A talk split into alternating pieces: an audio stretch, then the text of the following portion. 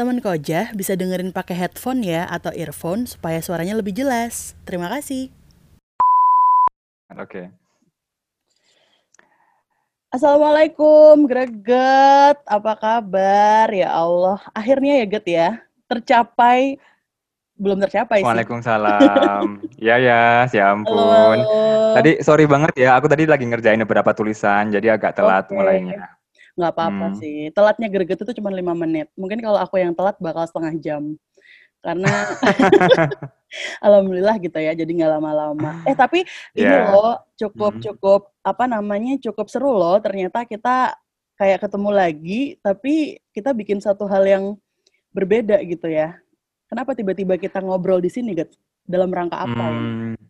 Iya sih, sebenarnya ini memenuhi ambisinya Tias sih ya sebenarnya. ya sekarang kita kita kan tahu lah ya. Mungkin teman-teman di Instagram atau di TikTok mungkin ya. Kan sekarang Tias kan artisnya TikTok. Oh, Orang-orang mungkin udah pada kenal Tias dan sebagian juga mungkin kenal aku. Gitu kita temenan tahun 2012 di mana waktu itu oh ada 2012 acara sih? Iya, 2012 itu ya. mahasiswa berprestasi, Ber- mahasiswa berprestasi. Oke, ya. eh berarti Atau udah 8 tahun ya. Get ya? Udah 8 tahun ya? Udah udah sewindu makanya udah sewindu. Iya, luar biasa Tapi sih. sejak tahun 2012 ke 2020 ini kan sebenarnya kita udah ketemu ya beberapa Hmm, kali di betul, Surabaya, di acara beberapa acara, terus kemudian juga di Jakarta sempet kamu sama temenmu Iya. datang, aku sebagai tuan rumah waktu Tuan ceritanya. rumah, Hmm, Nyambut gitu ya. Ya betul. Dan selalu memilih tempat yang areanya dekat sama kantornya Greget ya. Jadi sebenarnya bukan menyambut ya. Itu kita yang menyambut Greget sebenarnya. Iya sih, iya, iya bener. Get get tapi by the way aku tuh jadi kepikiran sama zaman kita waktu Mapres. Kamu sadar nggak Hmm. sih kenapa akhirnya kita bisa sering ngobrol? Jadi kayaknya pas pertama kali kita datang Mapres itu ya, itu aku tuh Mm-mm. langsung duduk sebelahmu nggak sih? Waduh, aku Lupa lupa. ya, oh, lupa Kayaknya, ya. hmm, Atau agak tapi seberangan? sebelahku kayak ya agak ya nggak sebelah sih Oh, sederetan, oh, tapi oh, mungkin sederetan. ada jedanya beberapa orang gitu ya. oh gitu ya. Tapi mungkin Oh. memang ada apa ya? eh, Kalau kata aku pernah diajarin sama salah seorang mentorku waktu aku ikut Mm-mm. Putra Putri Solo. Ya, pamer ya. Jadi gimana? ada yang namanya law of attraction. Jadi Oke. apa? Hukum tarik menarik gitu ya. Jadi mungkin ada satu kesamaan di Mm-mm. antara Tias mungkin ah, dan aku gitu ya. Jadi mungkin kita punya visi yang sama atau kita punya satu eh, apa ya rasa yang sama karena sama-sama orang Jawa mungkin gitu kan. Iya, betul. Bisa jadi betul. gitu. Jadi akhirnya harus nyambung Betul, gitu. betul. Dan dan sama-sama juga kita berprestasi waktu itu. Karena kalau Amin, nggak ya salah kita kan masuk eh, ke tujuh besar ya. Meskipun nggak tiga besar, tapi tujuh besar lah dari sekian Dari puluh ribu 15 ya. mahasiswa di Indonesia. Ya, Oh enggak oh, dong, iya. bukan 15 17 Iya. tapi sekian puluh ribu. Puluhan ribu. Maksudnya yang daftar, yang daftar tuh puluhan ribu. Iya. Eh, Iya. tapi benar, benar, benar Gat yang kamu sampaikan tadi. Jadi kenapa kok aku tuh jadi kayak apa ya berusaha untuk eh, mengingat-ingat memori. Kenapa kok waktu itu aku tuh sering ngobrol sama kamu waktu kompetisi. Hmm. Kayaknya karena waktu Hmm. itu kamu bilang aku orang Solo. Jadi waktu itu kamu bilang, terus aku langsung kayak yang, loh aku juga gitu kan. Mamaku sama Hmm. papa kan dari, eh, bapak sama ibu aku kan dari Solo juga gitu ya. Jadi langsung, wah kayaknya ada semacam eh, ini gitu loh, nyambung gitu. Dan akhirnya berlanjut sampai eh, sekarang ya Gat ya 8 tahun. Even meskipun waktu itu Iya. sempet ini ya, sempat nggak kontak sih. Sempet lah kita, Tapi mungkin Mm-mm. Hmm, tapi mungkin aku perlu klarifikasi sih ya. Nanti Apa takutnya tuh? kalau misalnya ada orang yang dengar terus, wah dia ngaku-ngaku Solo. Aku tuh sebenarnya bukan orang Solo. Oh Aku iya ya. sekolahnya, SMA-nya Mhm. tuh tiga tahun di Solo, di salah satu sekolah di di kota Solo yang favorit lah gitu. Cuman Hmm. Eh, aku lahirnya bukan di Solo, lahirnya di Klaten, di Delanggu. Jadi itu kabupaten Oh. yang ada di dekat Solo. Memang kalau di di dulu sebelum ada yang namanya eh, apa kabupaten eh, Kota Madia ya. Mm-mm. Dulu kan namanya Karasidenan. Mm-mm. Nah, Karasidenan Surakarta itu melingkupi kalau nggak salah ya itu melingkupi eh, Karanganyar, Klaten, Oh, Sukoharjo, Wonogiri, oke. Sragen. Jadi gitu. Jadi Jadi biasanya kayak gini orang lah, eh, orang Bekasi, hmm, orang Bekasi ngomong dari Jakarta, padahal Mm-mm. Bekasi Jawa Barat, karena itu kan mega city Ya gitu ya, beda ya, beda. aglomerasi. Jadi gitu, benar-benar. itu sih. Oh Tapi gitu. ya udahlah ya, ininya sama-sama orang Jawa kan. Soalnya Hmm. kan aku nangkepnya adalah UNS kan waktu itu. Jadi kan mikirku langsung Mm-mm. oh orang Solo berarti. Iya sih, Ya. tapi tapi jujur aja memang akhirnya setelah uh, pas lomba pun juga kita banyak ngobrol ya Get ya akhirnya banyak bertukar cerita juga dan uh, banyak juga hmm. sih sebenarnya pertemanan yang uh, masih bisa kita lakukan sampai akhirnya nih tiba-tiba ngobrol-ngobrol-ngobrol ide untuk bikin podcast gitu ya untuk bikin podcast yeah. hari ini sedang kita coba untuk bikin hmm. dengan segala ini dengan segala keterbatasan ya maksudnya keterbatasan editing keterbatasan pertemuan ya jadi mungkin ini agak-agak sedikit kemarin menguras pikiran juga gitu karena kebetulan yeah. posisi saya di Surabaya dan posisi Greget itu sebenarnya harusnya di Jakarta ya Get ya tapi sekarang yeah. posisi lagi di Delanggu di Klaten gitu. Iya, yeah, betul. Semoga bisa ya Get ya dengan ini gitu ya apa yang kita upayakan. Harus bisa dong ya, harus benar. bisa. Jadi sebenarnya kalau kita ngomong keterbatasan ya nggak cuma soal uh, apa teknologi maksudnya mungkin kita mikrofonnya nggak yang begitu bagus kayak yang oh. podcaster podcaster yang lain gitu atau kameranya hmm. atau mungkin kemampuan editing gitu ya tapi yang paling esensial menurutku adalah waktunya gitu yes. karena kan sekarang kalau kita ngomongin soal working from home atau WFH gitu ya yeah. itu kadang-kadang tuh yang namanya kerja tuh jadi nggak ada batasnya gitu makanya aku aku aku selalu kampanye work life balance. Jadi kalau mulai jam 8, 9, jam 5 harus stop gitu. Makanya kalau mau bikin podcast ya malam-malam gini. Ini malam-malam nih sebenarnya. Malam-malam ya. Jadi, Jadi nanti kalau kalau misalnya ada suara-suara jangkrik. Bukan. Mungkin nanti kalau misalnya kita mau bikin podcast yang isinya horor, mungkin ya Yas ya. Nggak, kita bisa bikinnya ya. tengah malam. Jadi biar lebih makasih ya. Aku paling nggak suka yang namanya horor. Jadi waktu itu kapan hari juga waktu greget cerita-cerita sempat bilang eh waktu bukan cerita-cerita sih waktu tahun berapa ya aku pertama kali follow-followan nama uh, greget lagi di Instagram. Terus aku tuh sering banget ngelihat kamu itu nonton film horor sendirian. Kamu sering kan nge-share? Yeah. Tapi sebelum pandemi yeah. ya, guys. Jadi sebelum yeah. pandemi greget tuh suka banget nonton film horor dan aku tuh sampai kayak nggak paham dan aku chat ke dia ngapain gitu loh. Jadi Ya luar biasa. Kalau yeah. aku no, terima kasih ya untuk horor-horor daripada nggak bisa tidur ya, ya kan. Tapi aku tuh semacam uh, apa ya kayak kayak ada ketagihan kalau nonton horor. Jadi Serius? misalnya lagi lagi apa ya lagi capek, lagi bosen gitu tuh uh-huh. salah satu mungkin orang bilang dopingnya ya itu nonton film horor gitu. Jadi bukan aku paling nggak suka film-film yang romantis uh, terus cinta-cintaan Korea gitu aku nggak terlalu suka. Tapi kalau yang horor aku seneng karena itu benar-benar memacu adrenalin gitu ya. Kadang-kadang kalau misalnya aku sama teman gitu, aku sampai benar-benar megang tangannya temanku karena kaget. Horor. Oh. karena nonton film horor. Terus kalau sendirian megang iya, kaget. Siapa? kalau sendirian? Ya kadang-kadang ya kalau sendirian ya aku ya tetap bisa kontrol dong ya. Oh, gitu. Nggak gitu. mungkin tangannya orang di sebelah. Dan sebelah orang nggak ada orang-orang kan gitu. Gak ada, iya kan kadang-kadang film horor kan juga nggak terlalu rame gitu loh. Kalau ya tergantung sih kalau misalnya yang oh jadi ngomongin film horor ya. Oke, kita lanjut lagi ke laptop kali ya. Tadi kan kamu bilang soal podcast, bikin podcast. Oh, iya, iya. Nah, podcast kita nih sebenarnya uh, kalau dibilang nggak terkonsep juga enggak terkonsep oh, karena memang konsep. dari apa uh, namanya gitu ya, mm-hmm. kemudian uh, ciri khasnya, strukturnya, kontennya kayak gimana, itu kita benar-benar mikir gitu. Yeah. Jadi bukan yang asal ngejeplak kalau yeah. ada fenomena juga ada nuansa uh, Jawa gitu ya, karena kita juga pengen ngasih tahu kalau kita ini orang Jawa gitu. Orang Jawa, orang Jawa. Nah, jadi uh, apa namanya kemarin? Yes. Kojah. Itu dari greget ya, sih. Mungkin nanti tuh? greget yang bisa oh, okay. cerita. Iya. Jadi ya, kemarin jadi gini suka... guys. Uh, uh, oh, hmm, ya. Siapa dulu, siapa dulu. Oke. Okay. jadi Oke, okay, jadi jadi gini. Hmm, oh, gimana ini? Siapa dulu? Kamu dulu jadi deh, gini, kamu dulu. Um, hmm. Kenapa kok Koja? Aku tuh nggak tahu kenapa kok uh, pelafalan ya K dan J itu kayak seneng ada kejang, kojah, uh, kejawen gitu. Jadi kayak enak gitu dilafalin ya. Makanya aku milih koja. Itu dari dari uh, huruf dan kata pelafalannya. Tapi kalau dari maknanya kan koja itu kan orang ngomong gitu, Bercerita orang cerita. Ya. Ojo koja koja ya gitu. Jadi jangan omong jangan cerita-cerita gitu. Jadi kita mau mau ngasih satu apa uh, konten yang hmm. yang bisa diceritakan, yang bisa dibahas banyak orang gitu ya, dibicarakan gitu. Nah, makanya namanya koja. Simpelnya sih begitu gitu. Tapi jujur, sebenarnya awalnya aku nggak ngerti. Meskipun kata greget itu bahasa Jawa ya, tapi di ilmu bahasa Jawa yang sudah aku pelajari dari TK itu kayaknya belum pernah sih. Sempet get malahan waktu itu aku sempat nanya ke mama gitu mah uh, mama pernah dengar kojah nggak? Karena kan mama kecil dan besar kan di Solo kan gitu. Mungkin kalau di Solo aku pikir kayak bakal sefrekuensi ya sama bahasa bahasanya greget gitu kan. Nggak ngerti ya kojah itu apa. Serius nggak ngerti. Mungkin mungkin kamu nanyanya kata. Oh kamu harusnya nanya kalimat. dong? kalimat dong. Jadi gini, mah uh, ojo kocah-kocah itu artinya apa gitu? Ojo kocah-kocah. Jadi ojo, oh, ojo kondo-kondo, ojo omong-omong gitu. Oh, jadi harus kayak di double double kata gitu baru mungkin ada. Oh enggak, maksudnya dimasukkan dalam satu kalimat biar ada konteksnya ah, gitu.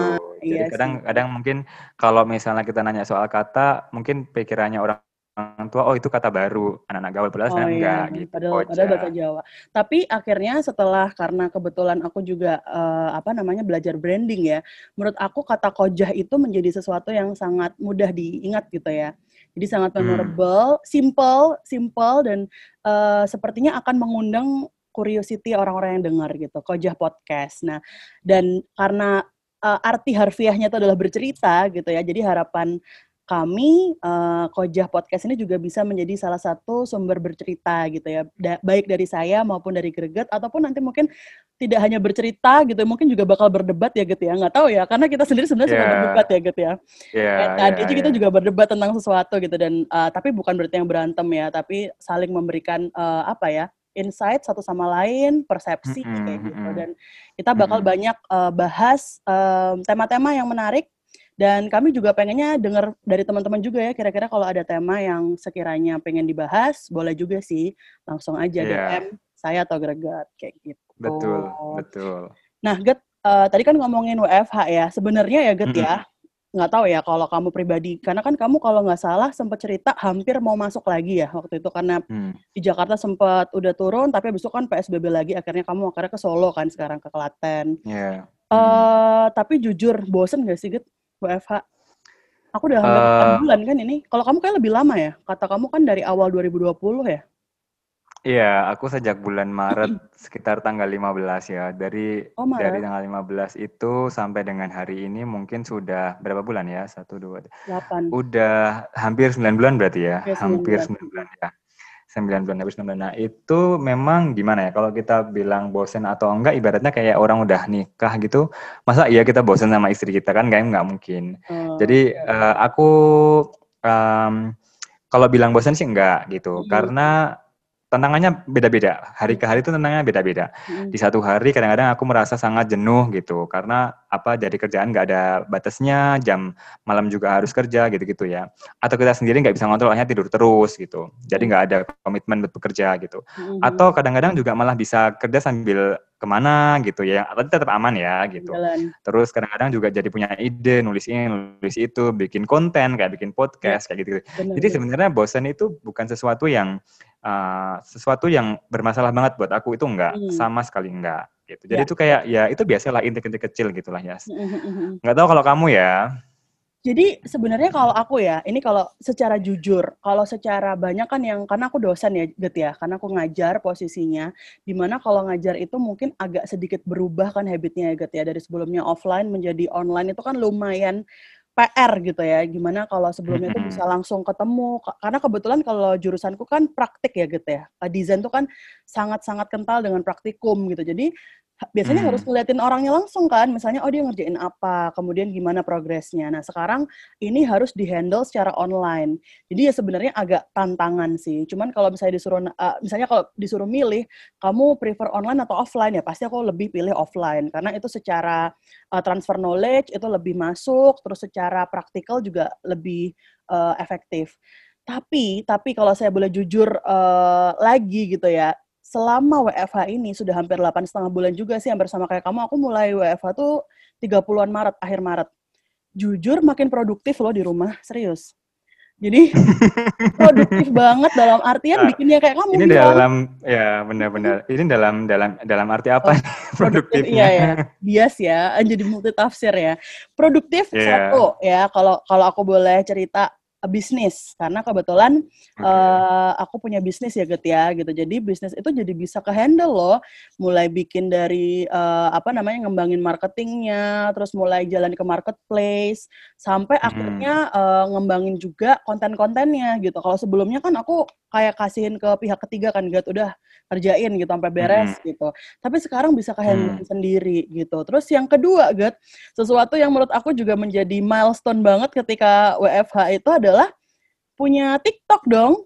punya TikTok yang tadi sudah sempat kamu yeah, singgung yeah. ya, itu sebenarnya awalnya kayak ngapain sih gitu. Tapi sebenarnya tunggu tunggu tunggu tunggu tunggu tunggu. Jadi berapa followersnya sekarang? followersnya sekarang kayaknya, nah kalau per hampir empat puluh ribu tadi aku cek ya. Iya, hmm. tiga puluh. Atau udah? Atau udah?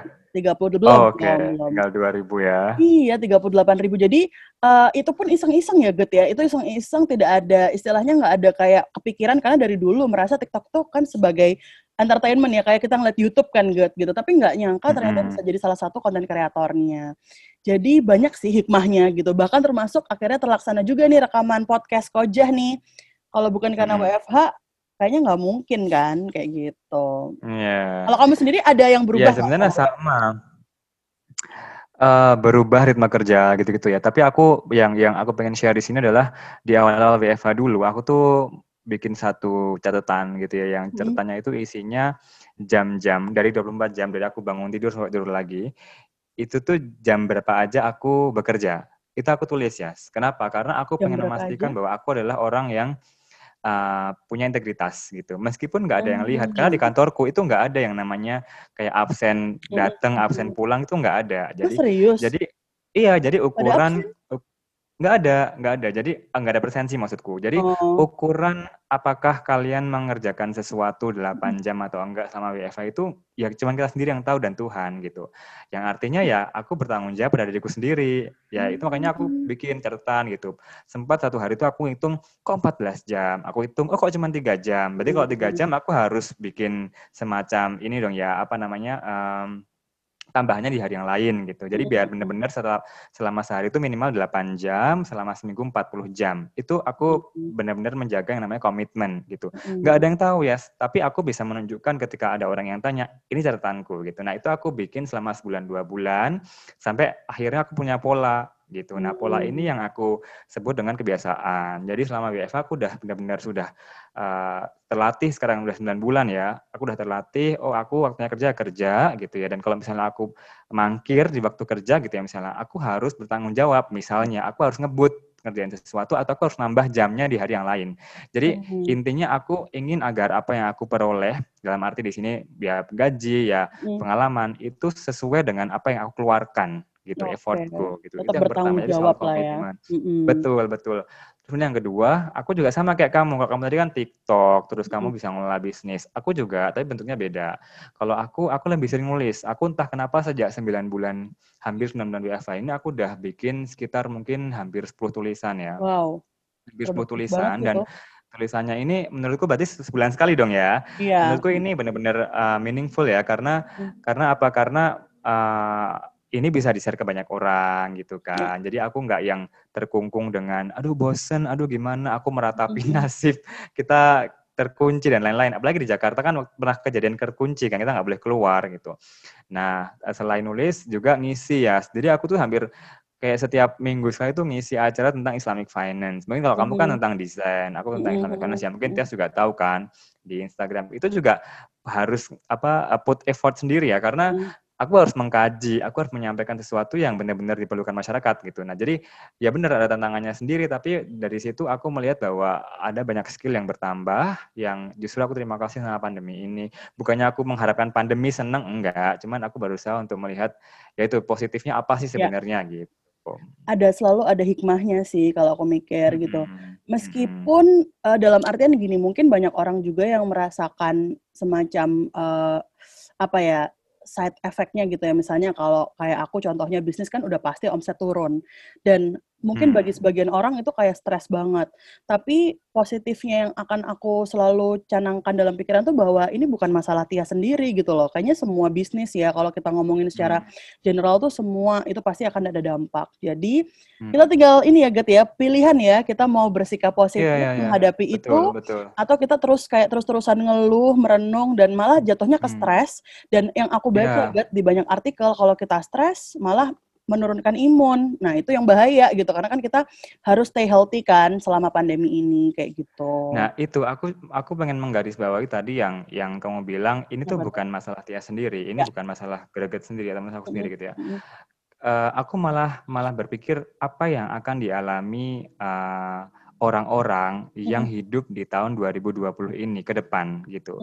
Maksud tuh gini, akan ada petualangan kehidupan seperti apa sih untuk yeah. kami semua yang sekarang hidup di tahun 2020 ini? Karena apa? Karena kita nggak perlu nyebut milenial, enggak gitu. Mm-hmm. Karena yang mengalami pandemi ini tuh benar itu semua dari yang boomer, dari uh, generasi X, Y, milenial, yeah. centennial, Gen Z, semuanya kena gitu. Yeah. Nah, artinya uh, kita semua bersama-sama generasi dari generasi zaman dulu sampai sekarang yang masih hidup di, di 2020 ini akan menjadi pribadi yang kuat secara individu dan sosial gitu. Iya, nah makanya aku mikir oh mungkin akan ada sesuatu kan bisa gitu ya ya cobaan iya. tuh kita dikasih dulu kelak apa us, u, u, apa namanya ujian naik kelas mm -hmm. baru nanti kita lahir manusia yang lebih kuat. Nah, aku mikirnya, oh, oh jangan-jangan ke depan akan ada sesuatu yang kita akan hadapi bersama lagi, gitu loh. Jadi malah aku mikirnya ini ini sesuatu yang unik yang mungkin orang nggak nggak nggak ja, maksudnya jarang mikir ke sana gitu. Karena kalau kalau kita coba mengulik sejarah ya, Yas, mm -hmm.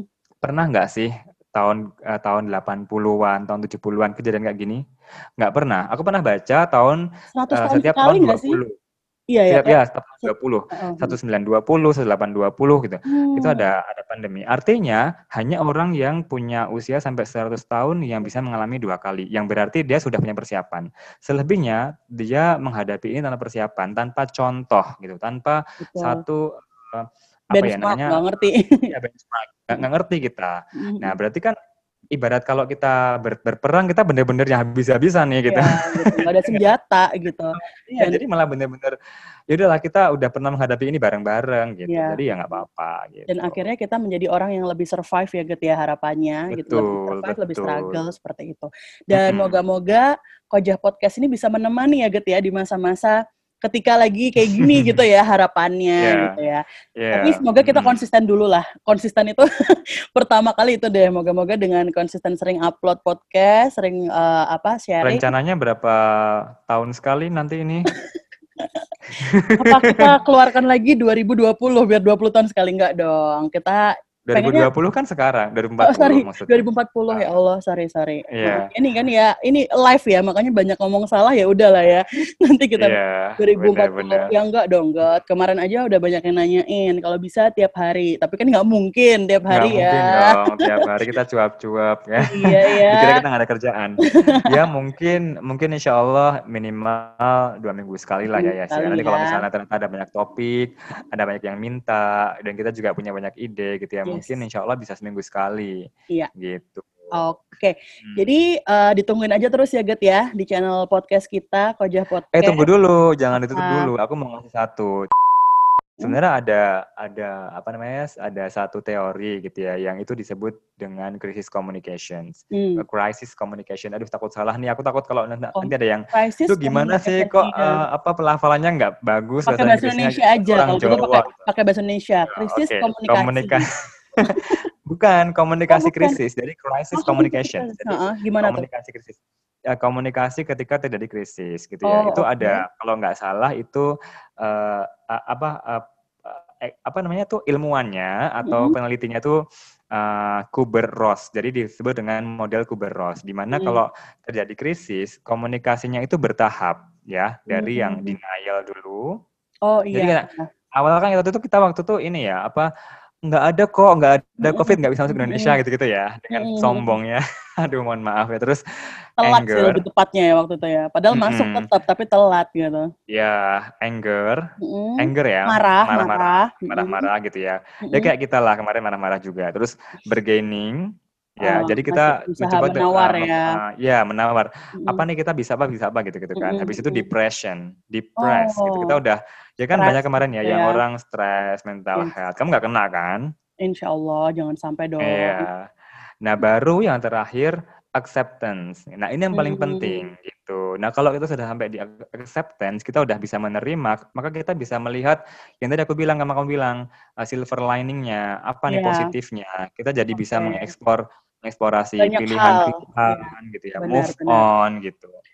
Gitu sih. Akhirnya, nah, mungkin akhirnya tadi survive hmm. itu lebih terbentuk dan akhirnya kayak ya mungkin kayak kita ya gitu ya jadi lebih mengambil hikmahnya aja bisa ketemu sama teman bisa uh, akhirnya bisa ngobrol bikin podcast bikin yeah. konten dan lain sebagainya jadi hmm. apakah kita sudah di tahap mana get atau itu apa itu nanti setiap manusia bisa beda-beda gitu tahapannya Uh, beda-beda. Tapi kalau tapi kalau kita bicara secara uh, satu negara gitu ya, hmm. mungkin sekarang kita sudah di acceptance. Kita udah nggak denial, kita udah nggak denial kan? Denial ya. Ya mungkin mungkin ada satu dua ada orang yang masih tapi ada sih beberapa masih gitu. nggak ada itu konspirasi. Yeah. Ya iya. monggo nggak apa-apa hmm. gitu. Tapi mungkin dia berprosesnya lebih lama. Okay. Tapi intinya kalau eh, sekarang mungkin aku sama Tia sudah di acceptance ya. Semoga yeah. teman-teman yang dengerin juga sudah di acceptance. Jadi sudah menerima, sekarang kita move on gitu.